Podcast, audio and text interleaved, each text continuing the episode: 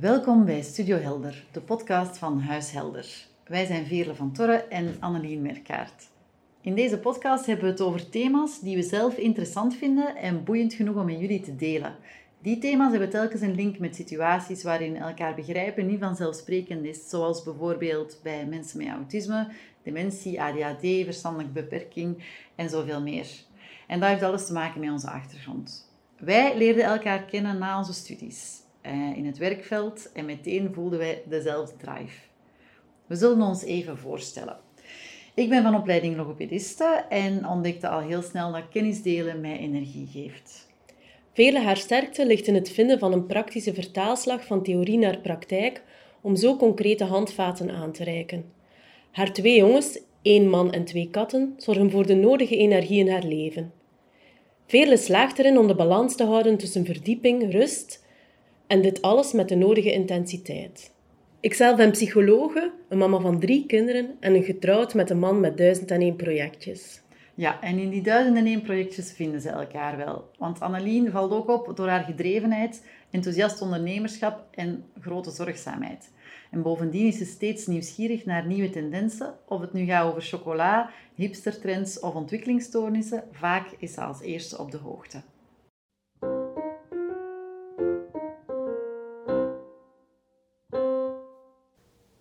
Hallo, welkom bij de nieuwe opname van onze podcast van Huis Helder. Vandaag willen we het graag hebben met Isabel de Grote over slaapproblemen bij kinderen en hoe dat we dat aanpakken. Veerle is er ook opnieuw bij. Hallo Veerle. Hallo. En Isabel. Isabel, misschien is het handig als jij jezelf even voorstelt. Ik ben dus Isabel. Ehm, ik ben orthopedagoog van opleiding en ik uh, werk momenteel op het Universitair Ziekenhuis, ben ik kinder- en jeugdpsychiatrie op de afdeling van 0 tot 6-jarigen. En daar werk ik onder andere rond slaap. Oké. Isabel, je bent een aantal jaar geleden gestart met een opleiding voor slaapcoach. Mhm. Kan je er iets vertellen van wat heeft gemaakt dat je dat gekozen hebt om die opleiding te doen? Oké. Ehm, en waarom hè, doe je de opleiding tot slaapcoach? Oké. Goh, ehm, de ontwikkeling van jonge kinderen heeft mij altijd al super geboeid. Ehm, maar ik heb me eigenlijk jarenlang totaal niet verdiept in slaap. Ik heb daar ook niets van gekregen in de algemene opleiding. Ehm, ik heb het ook niet zo nodig gehad eerst in mijn eh, werk. Maar op een bepaald moment eh, werd ik eh, zelf moeder. En merkte dat mijn jongste niet goed sliep. En dan gaf de vroedvrouw mij een boek, ehm, Slaap, van Suzanne Willekes. En ik dacht, oh my god, dat wist ik helemaal niet hoe dat slaap bij jonge kinderen in elkaar zat. Hoe kan dat nu dat ik daar nooit iets mee gedaan heb binnen mijn werk met die jonge kinderen op kinder- en jeugdpsychiatrie? Want dat is nu toch zo'n waardevol thema uh, als het gaat over de jonge ontwikkeling. En ik had dat dan eventjes laten liggen en een tijdje later uh, werd er een nieuwe afdeling op ons werk opgericht waarbij dat we heel erg aan de slag gingen met uh, jonge ouders en met oudergroepen. En dat thema slaap kwam daar altijd maar terug. Ook al was dat niet het thema van die oudergroep, maar over hoe de kinderen niet sliepen, hoe de ouders oververmoeid waren. En iedere keer dacht ik opnieuw van, hé, hey, maar dat is wat ik gelezen heb in die Mhm. boeken, daar kan toch iets mee gedaan worden, die slaapproblemen kunnen toch aangepakt worden. En dat is zo het moment geweest dat ik dacht, eigenlijk moet ik daar best wel iets over uh, verder studeren. Dat zou Mhm. mij wel helpen uh, in die werking. Ja, want dat is wel in de dagelijkse realiteit. Als je met ouders praat, zeker ouders van jonge kinderen, het gaat altijd vooral over slapen. Hè. En slaapt goed of hij slaapt niet goed. Hè. Waarom is dat eigenlijk zo belangrijk? Ja, slapen, dat doe je een supergroot deel van de dag. Hm? En een baby, die, die dat, doet dat nog meer, veel meer dan volwassenen. En zo het eerste wat een ouder eigenlijk verwacht is zo van, ja, ehm, slaapt uw baby, slaapt hij door, wordt er dan ook vaak gevraagd.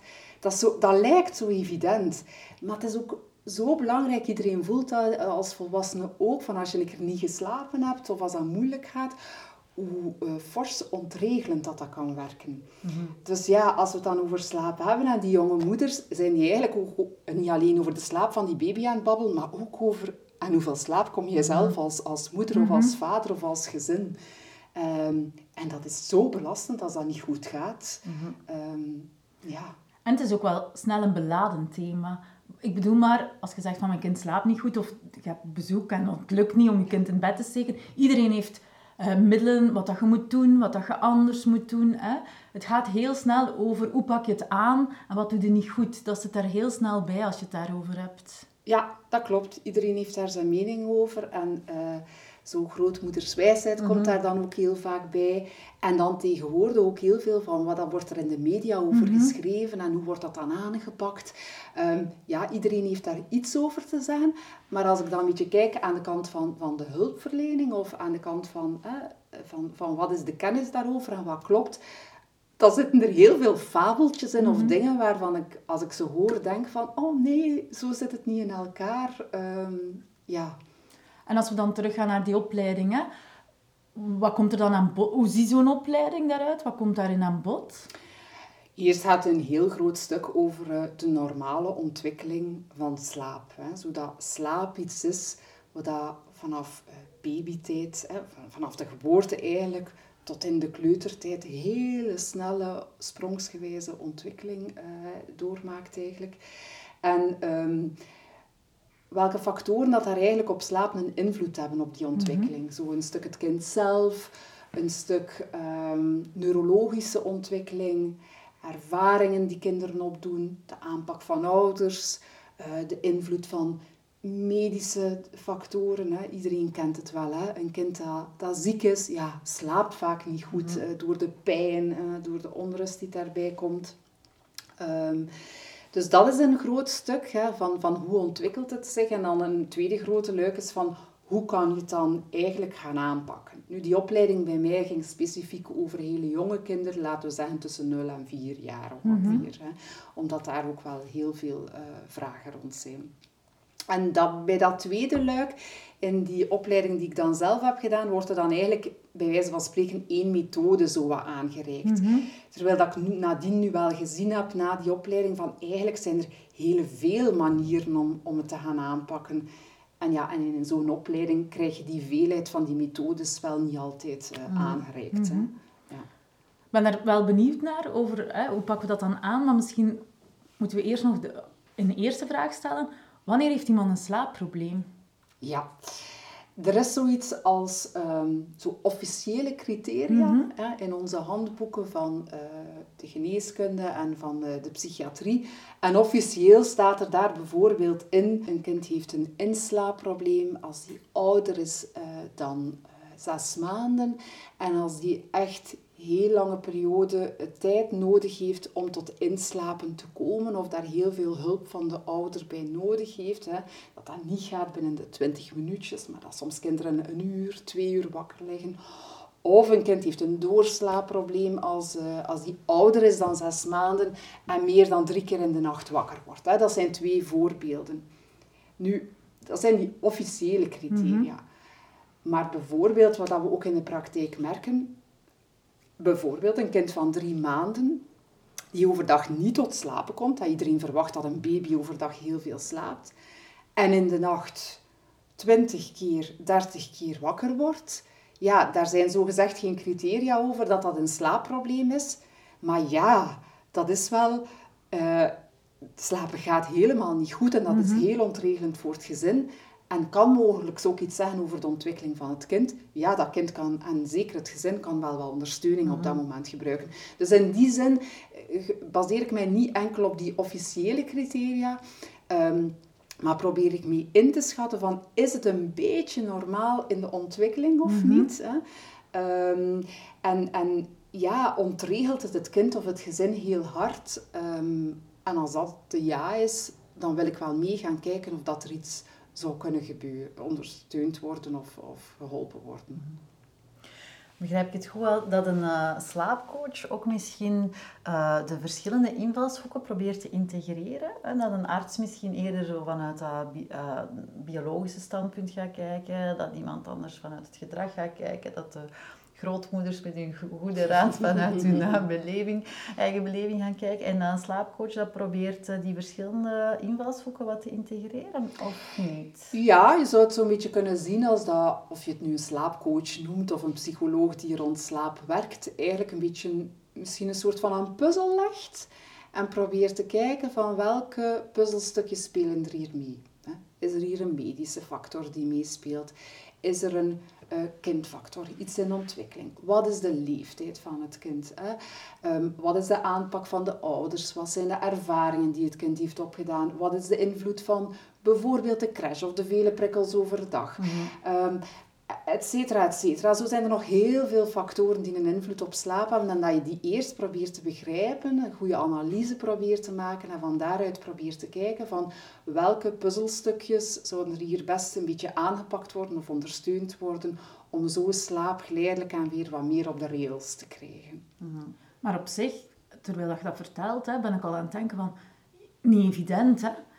Als, als je hoort wie er allemaal slaapcoach wordt, eigenlijk moet je toch heel veel, behalve de kennis over het slapen, ook heel veel achtergrondkennis hebben van uh, de omgeving van zo'n kind, van wat doet prikkels met kinderen. Um... Ja, dat, dat klopt. En dat ervaar ik ook meer en meer naarmate ja, ik zelf daarin meer ervaring op doe. Uh, dat die brede kijk en die brede kennis echt nodig is. Mm -hmm. Nu, laten we zeggen, voor een deel van de uh, ouders die aanmelden met een kind, gaat dat eigenlijk over een heel mild slaapprobleem. Een kind en een ouder die een beetje ondersteuning kunnen gebruiken, zodat het allemaal wel wat vlotter loopt. En in die situatie kan een slaapcoach die minder die achtergrondkennis heeft, want mhm. ja, zo bestaan er heel veel slaapcoaches die geen vooropleiding hebben in de geestelijke gezondheidszorg of in de gezondheidszorg te koer, die gewoon ja, mama zijn en, een, een korte opleiding hebben gedaan, dat die daar voor die gezinnen daar wel nog uit geraken. Maar er is toch een belangrijk percentage, zonder dat ik daar echt concrete gegevens over heb, mhm. over hoeveel dat, dat is, waarbij dat dan niet voldoende is. Waarbij dat als je die ja, zeer concrete technische adviezen zou geven, dat dat niet voldoende is. Hè? Dat dat slaapprobleem zich niet oplost. En daar wel wat risico dat een ouder dan denkt van, ah ja, het is helemaal hopeloos. Mhm. Ehm, ik heb dat niet goed gedaan, um, ik, ik, misluk daarin, zie wel, ik val niet te helpen of mijn kind, oei oei, het is echt problematisch ja, soms gewoon omdat die puzzel niet goed gelegd mhm. geweest is. Ja. Ja, want het woord slaapcoach doet bijna vermoeden van als ik daar naartoe ga, na een aantal keer gaat het probleem opgelost zijn. Allee, zo, zo zou ik dan denken als ja, Ik denk dat elke jonge ouder naar deze podcast gaat luisteren, want die denkt, yes, ik ga, de, ik ga de oplossing hebben voor, uh, voor mijn kind. Hè. Ja, maar zo wordt het ook wel vaak voorgesteld. Hè? Als je naar die, die mooie websites kijkt van, van vele slaapcoaches, en ik heb het zo ook aangeleerd in mijn eigen opleiding van je krijgt een gezin voor jou, je hoort een verhaal, je gaat een bepaalde uh, vragenlijst doorlopen. Of ouders vullen die in. Je gaat ouders een paar dagen later registreren van hoe dat de slaap in elkaar zit. En dan ga je nog wat vragen stellen als coach en ga je een slaapplan schrijven. Zo mhm. echte stappen van dit kan je gaan doen als ouder. vaak 10, 20 pagina's lang.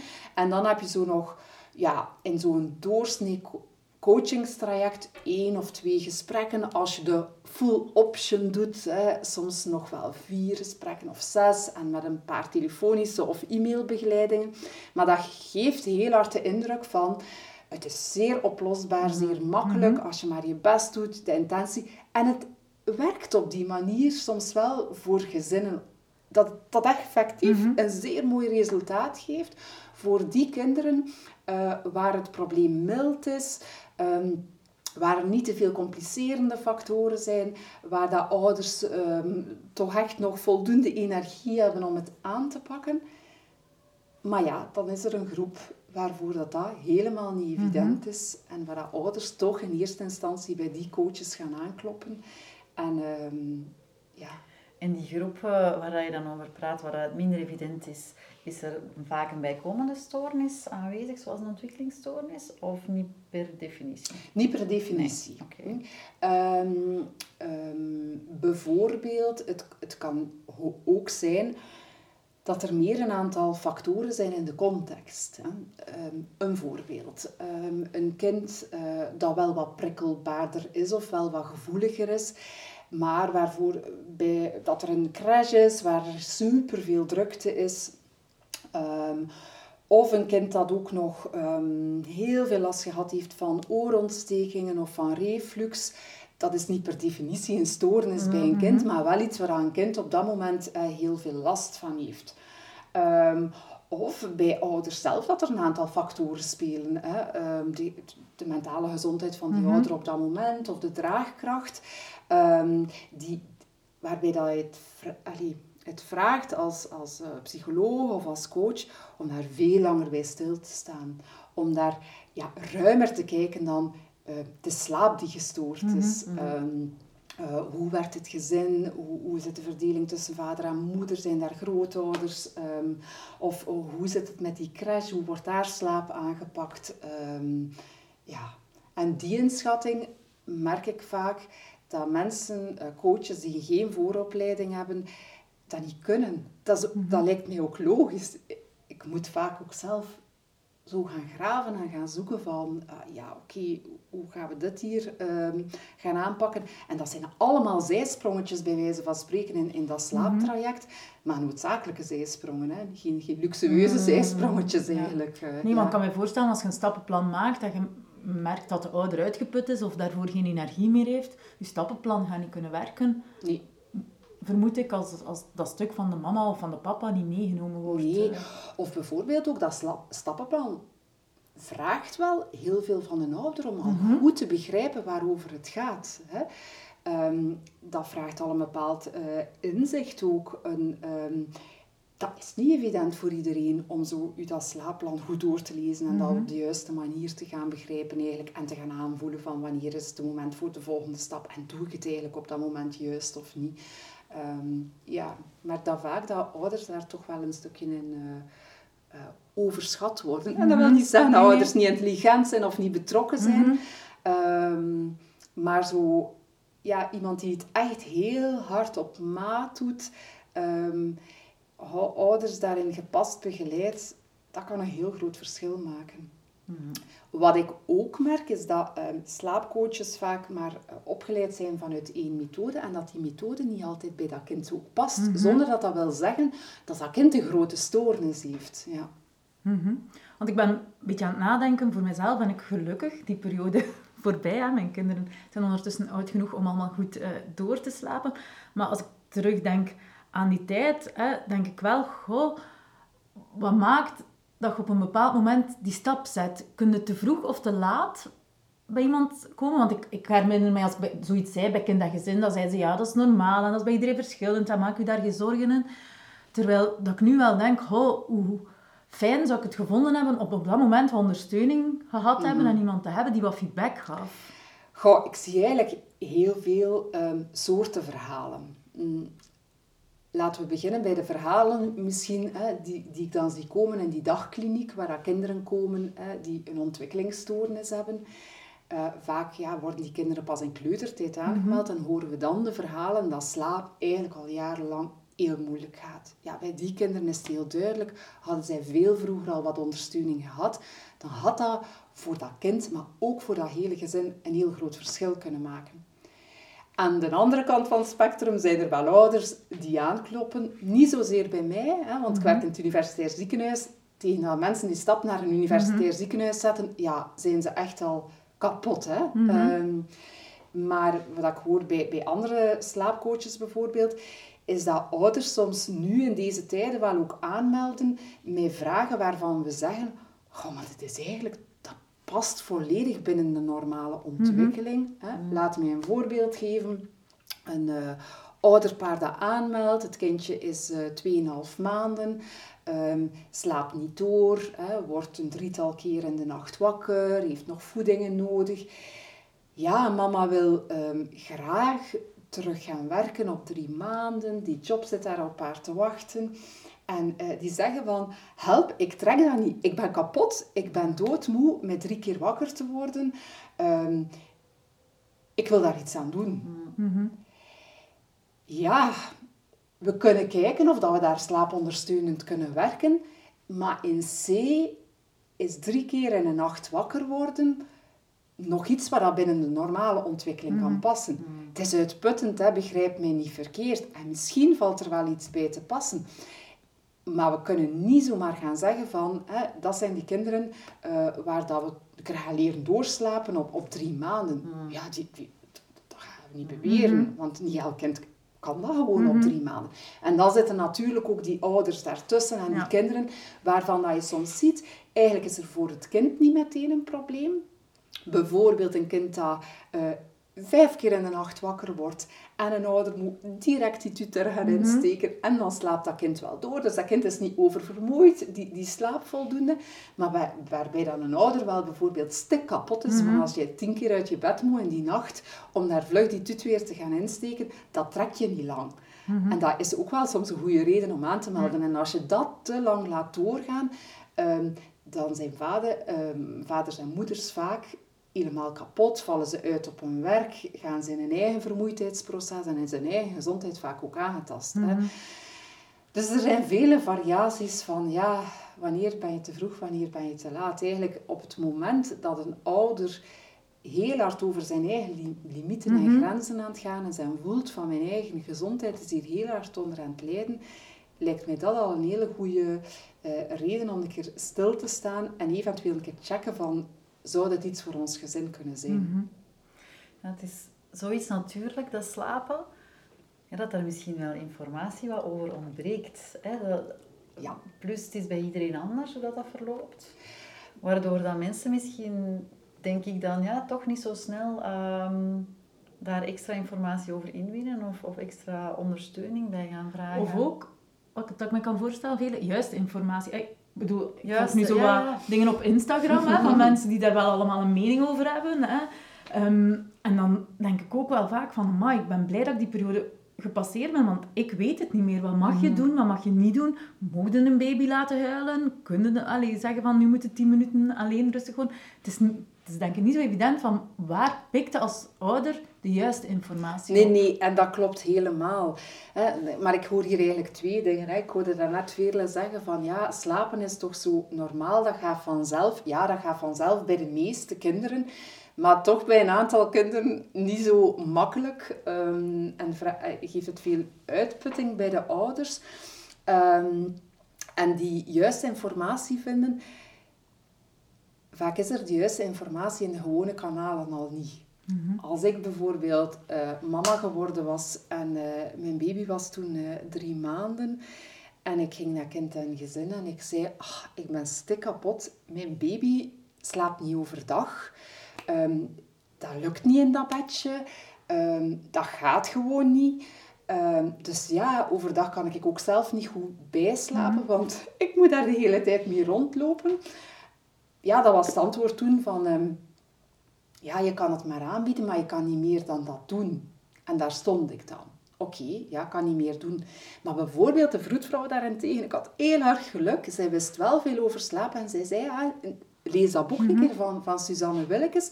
En toen las ik van, ah, sommige kinderen hè, die, die wat alerter zijn, die wat prikkelbaarder zijn, die komen niet tot vanzelf slapen in een bedje, maar die kan je heel goed helpen door bijvoorbeeld hè, eh, bij sommige kinderen in een draagdoek rond te lopen op sommige tijdstippen van de dag. Hè volgens een bepaald ritme bij een bepaalde leeftijd. En dan is de kans groot dat ze inslapen in die draagdoek, een goede dut doen, eigenlijk recupereren en herstellen om nadien weer vrolijk wakker te worden. En als je dan zoveel tijd later dat opnieuw doet, hè, help je eigenlijk, assisteer je in die slaap en kan je zo op de lange termijn eigenlijk de slaapontwikkeling goed gaan ondersteunen. Dat was voor mij de oplossing. Hè. Nu, dat was nog altijd zwaar, hè? zoveel keer per dag met die draagdoek gaan rondlopen.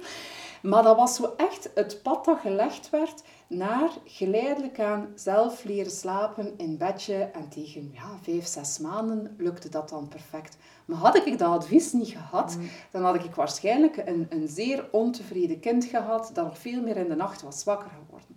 Nu bij mijn tweede kind dan, ik ging naar de huisarts. Ik was zelf stik, stik, stik kapot. Hè. Die sliep ook overdag eh, niet. Dan zei zij van ja, zou je niet doen zoals uh, ons grootmoeders soms ook wel vroeger deden. Van zet hem eens in de, in de kamer vooraan, doe die deuren toe en ga zelf in je bed gaan liggen en recupereer. En ik dacht, maar dat kan nu toch niet waar zijn? Drie maanden, ik ga mijn kind laten huilen in die kamer. Natuurlijk ga ik zelf niet slapen ondertussen. -hmm. Maar dat is ook geen oplossing voor mijn kind. Hè. Mijn kind op drie maanden dat aan het huilen is, die, die heeft een vorm van ondersteuning nodig. Dus dan, dan schrok ik wel, en ik heb dat nadien haar ook wel teruggegeven, van dat dat advies nog komt. Hm? Er, er zijn wel andere adviezen die, die, die gepaster zijn voor een jong kind. Dus in die zin merk ik van dat, dat de kennis van wat kan je, hoe kan je slaapondersteunend werken, wat past op welke leeftijd en wat past niet, dat die eigenlijk wel nog ontbreekt in de reguliere ehm, gezondheidszorg of mentale gezondheidszorg. Ja. En, en, heb jij dan zo'n aantal uh, tips dat je kan uh, geven die altijd werken? Eigenlijk is het iets heel erg op maat, maar er zijn wel een paar leidraden. Hè. De leidraad die ik in mijn eigen hoofd uh, neem is zo van, kijk, onder de zes maanden is er zoiets dat kinderen het op zichzelf niet redden. Het idee van, je laat je kind maar uithuilen, um, laat hij maar zijn eigen gang gaan, uh, die geraakt daar wel door en uiteindelijk zal die wel slapen, dat werkt zo niet voor een jong kind. Hè. Um, dus wat dat je ook doet, je zal moeten gaan helpen. Mhm. Het hoeft niet jou als moeder te zijn, het kan ook de papa zijn of het kan de oma zijn. Uh, maar misschien zal je moeten rondwandelen, misschien zal je moeten rondstappen, misschien zal het in de armen zijn of op jou. dat is één gegeven. En het tweede wat dat mij heel hard geholpen heeft, is dat er zoiets bestaat als um, leeftijdsafhankelijk wakkertijden. En dat betekent um, dat je, kan, dat je weet op een bepaalde leeftijd hoe lang een kind kan wakker zijn tussen twee dutjes. En dat daar globale regels in zitten. Bij een pasgeboren kind zit daar nul regelmaat in. Mm. Dat is waken en dan slapen, zonder dat je kan zeggen, is dat nu 30 minuten wakker zijn of 60 minuten wakker zijn. Daar zit geen regelmaat in. Maar na een tweetal, drietal maanden komt daar toch een vorm van een ritme in, waarbij dat we wel weten dat kinderen ongeveer hè, een uurtje wakker kunnen zijn. Dus als je binnen een half uur al een poging zou doen om die opnieuw te laten slapen, dat dat eigenlijk niet goed werkt.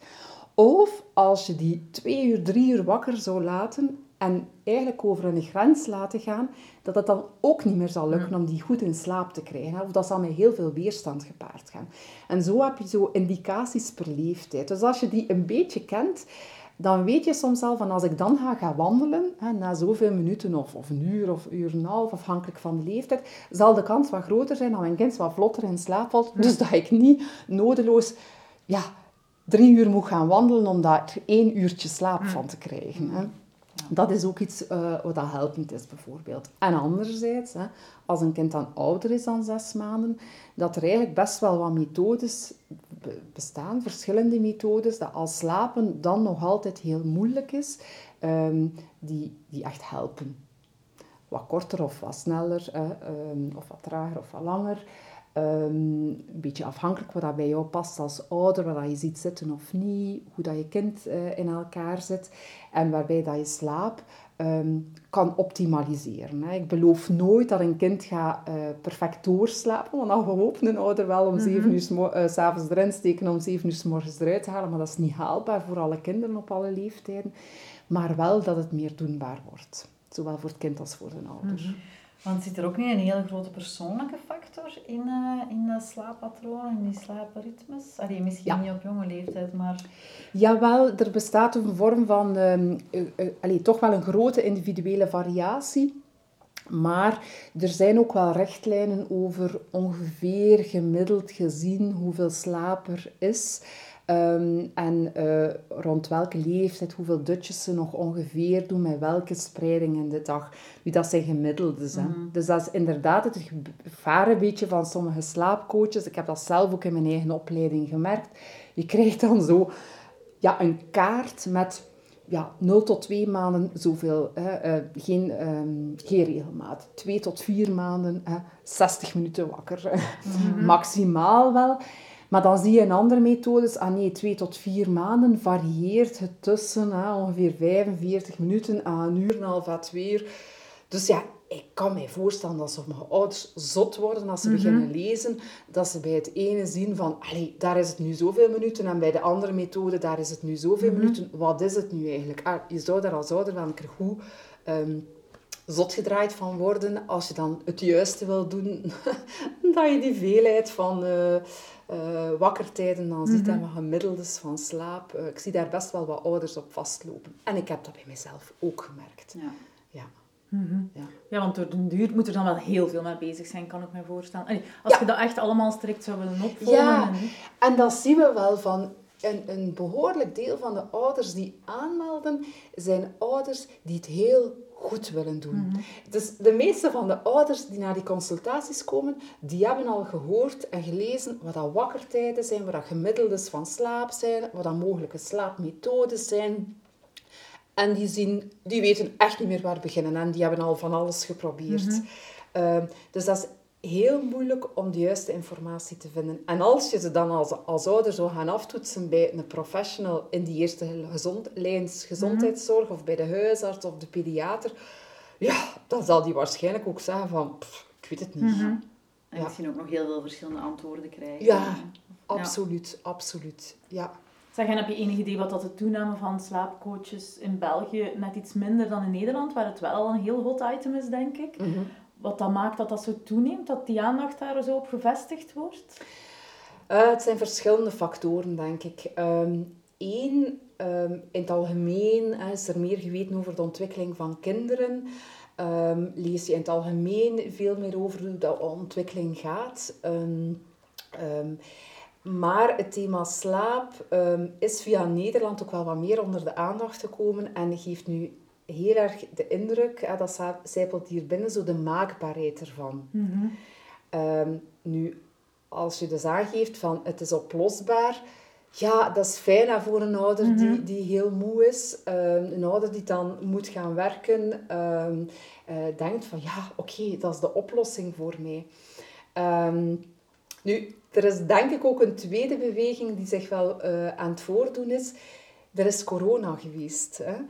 En ehm, er zijn best wel wat mensen die in coronatijd zijn gaan zoeken naar hoe kan ik mij van werk gaan heroriënteren. Mm En ehm, in die periode zijn er toch wel wat extra mensen geweest die opleidingen zijn gaan zoeken uh, voor een job ehm, die flexibiliteit geeft naar een eigen mhm. gezin, die haalbaar is, ja, waarvan uh, dat je niet ik weet, uh, ja, een grootse vooropleiding moet hebben.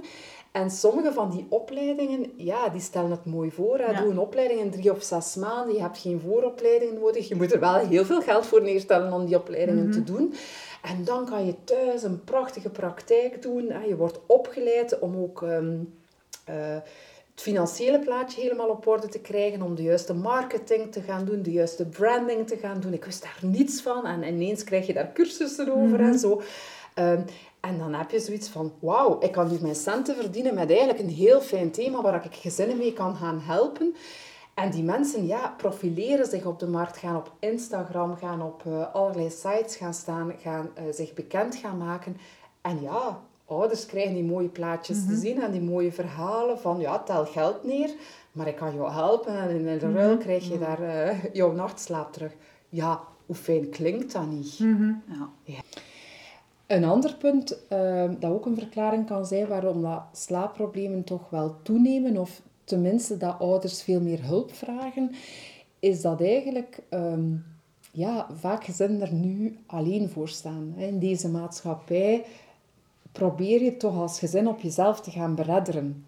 Maar als het over slaap gaat en dat je niet aan genoeg slaap komt als ouder, dan is net vaak de oplossing dat daar eigenlijk een grootmoeder, een grootvader, een tante en een onkel zouden zijn die zeggen van kom, pak hem een keer bij mij. Um, dat gaat dat slaapprobleem niet oplossen, maar dat gaat wel die vermoeidheid van die ouder een stuk gaan opvangen. hè. Mhm. Zeker als dat een inwonende persoon is die ook mee die nachten kan gaan dragen en gaan ondersteunen. Uh, die ook die andere kinderen die daar nog in het gezin zijn mee kan gaan opvangen. Waardoor dat, ja, de draagkracht toch wel wat vergroot en de impact van niet slapen minder is. Ja, dat heeft een heel grote invloed. Mhm. En ja, bij corona hebben we dat allemaal gevoeld. Hè hoe dat je nog meer teruggeplooid was op jouw eigen gezin. Ik heb dat ook zelf gevoeld. Ik ben in die periode ook uh, een tweede keer mama geworden.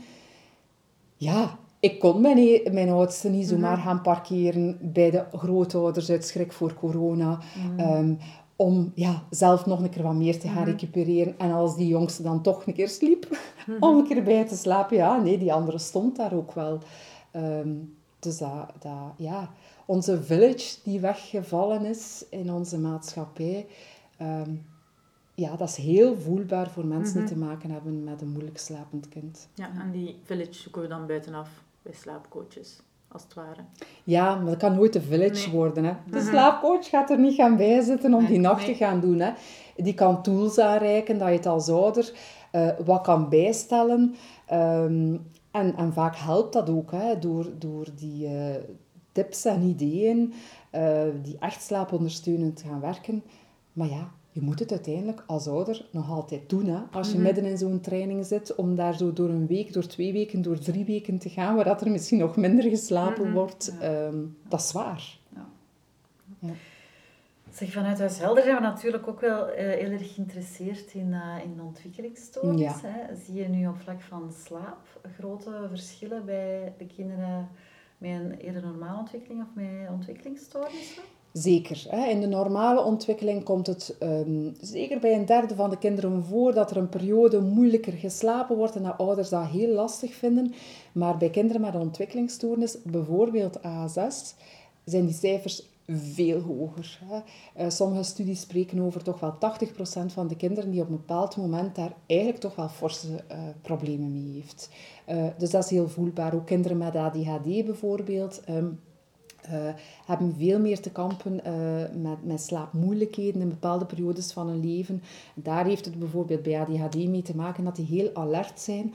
Hè. Een, een zintuigen staan allemaal op scherp. Ja, en dan wordt er verwacht van jou dat je plots naar bed gaat, waar je eigenlijk alles moet gaan laten vallen en en in een soort van een rustmodus komen, dat dat veel eh, moeilijker is. Dat is één van de factoren. Er spelen nog veel meer factoren mee. Ehm, en vaak zijn die slaapproblemen toch wel eh, hardnekkiger, duren ze langer, zijn ze ook niet zo altijd evident aan te pakken. Dus het is zowel de oorzaak die eigenlijk anders is, als dan de, ja, de ehm, Aanpak. Wat bedoel je? ja, nee, ehm, Ja, Ja, er ligt een de andere oorzaak eigenlijk ook. Hè. Bij, bij die normale ontwikkeling is het vaak een beetje een samenspel van bijvoorbeeld een drukke dag, een drukke periode, hè, ehm, omstandigheden rond het kind eh, die, die een invloed hebben op die slaap of bij de ouders zelf en eh, een ziekte van een kind. Maar bij een ontwikkelingsstoornis zouden we kunnen zeggen dat er een, een, een soort van neurologische component ook is, soms rijping, maar soms ook langduriger, ehm, die het gewoon moeilijk maakt om voor een kind om te slapen. Dus wat dat ook de omstandigheden zijn, hè, eh, wat dat dan ook ouders doet, dat dat vaak niet voldoende is om tot slapen te komen. Ook al heb je een perfecte crash, ook al hebben ouders die eigenlijk heel goede dingen doen, dat het dan toch nog altijd niet lukt, vanuit iets biologisch.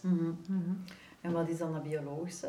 Heeft eh, melatonine daar ook mee te maken? Of gaat dat eerder over eh, de hersenwerking?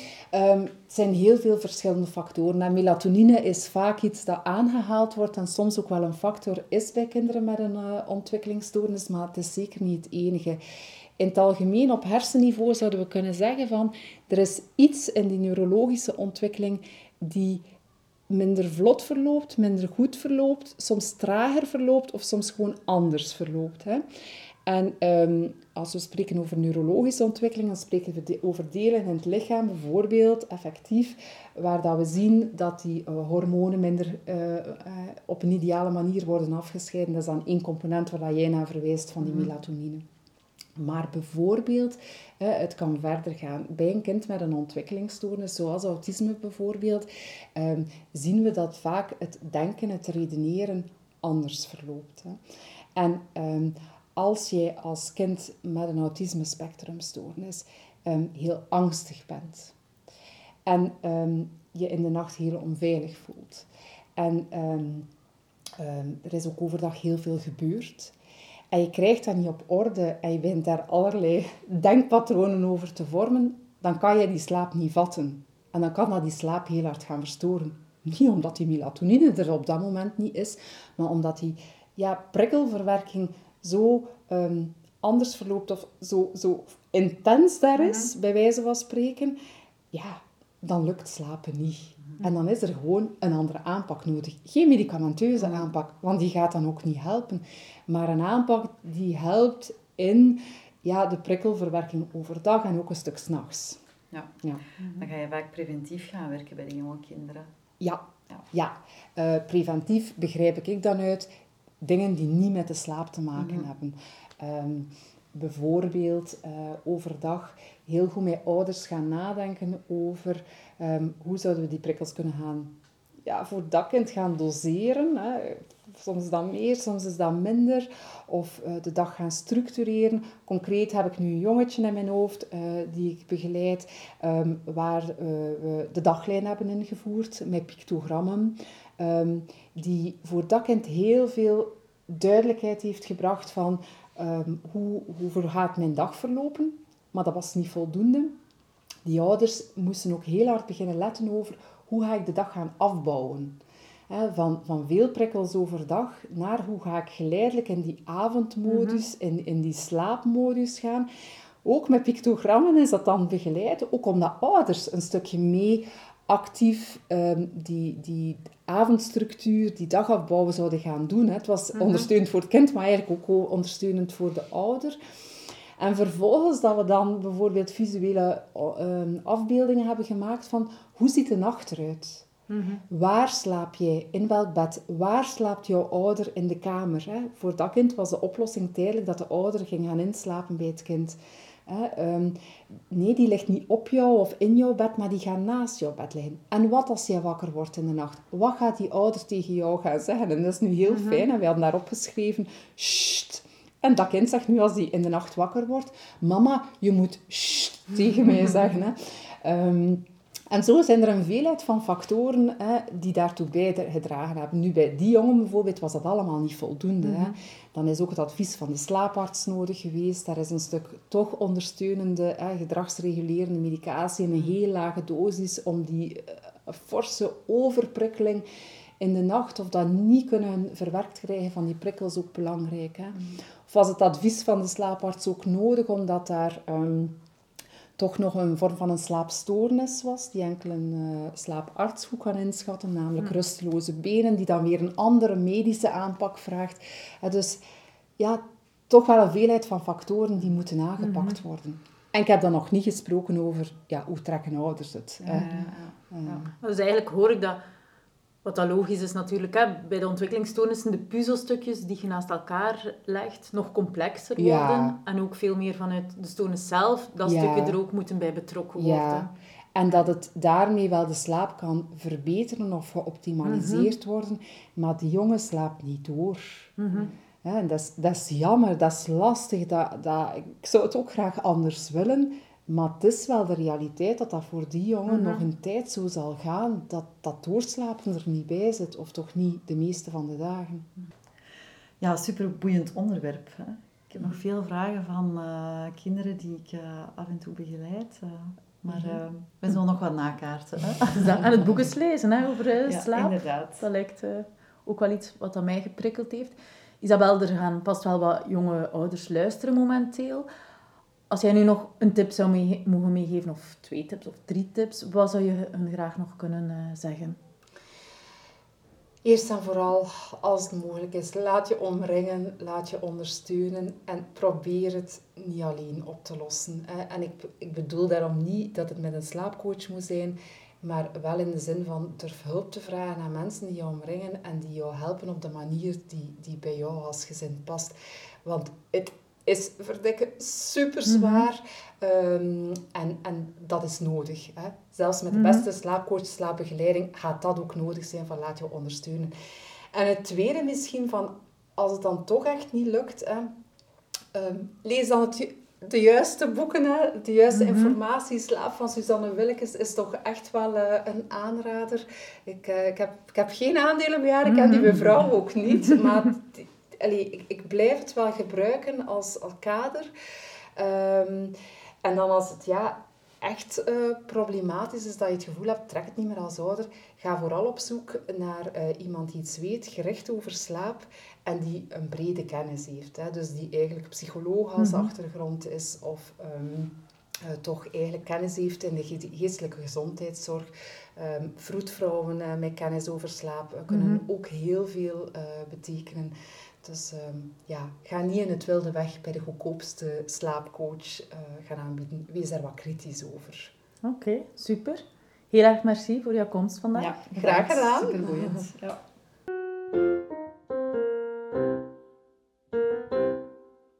We vinden het tof dat je luisterde. Wil je ook anderen deze podcast laten ontdekken of wil je met ons delen wat je ervan vond? Laat dan zeker je feedback achter via de gekende kanalen. Of wil je nog meer van ons horen of ben je benieuwd naar ons aanbod? Surf dan naar www.huishelder.be of volg ons op sociale media. We hebben kanalen via LinkedIn, Instagram of Facebook.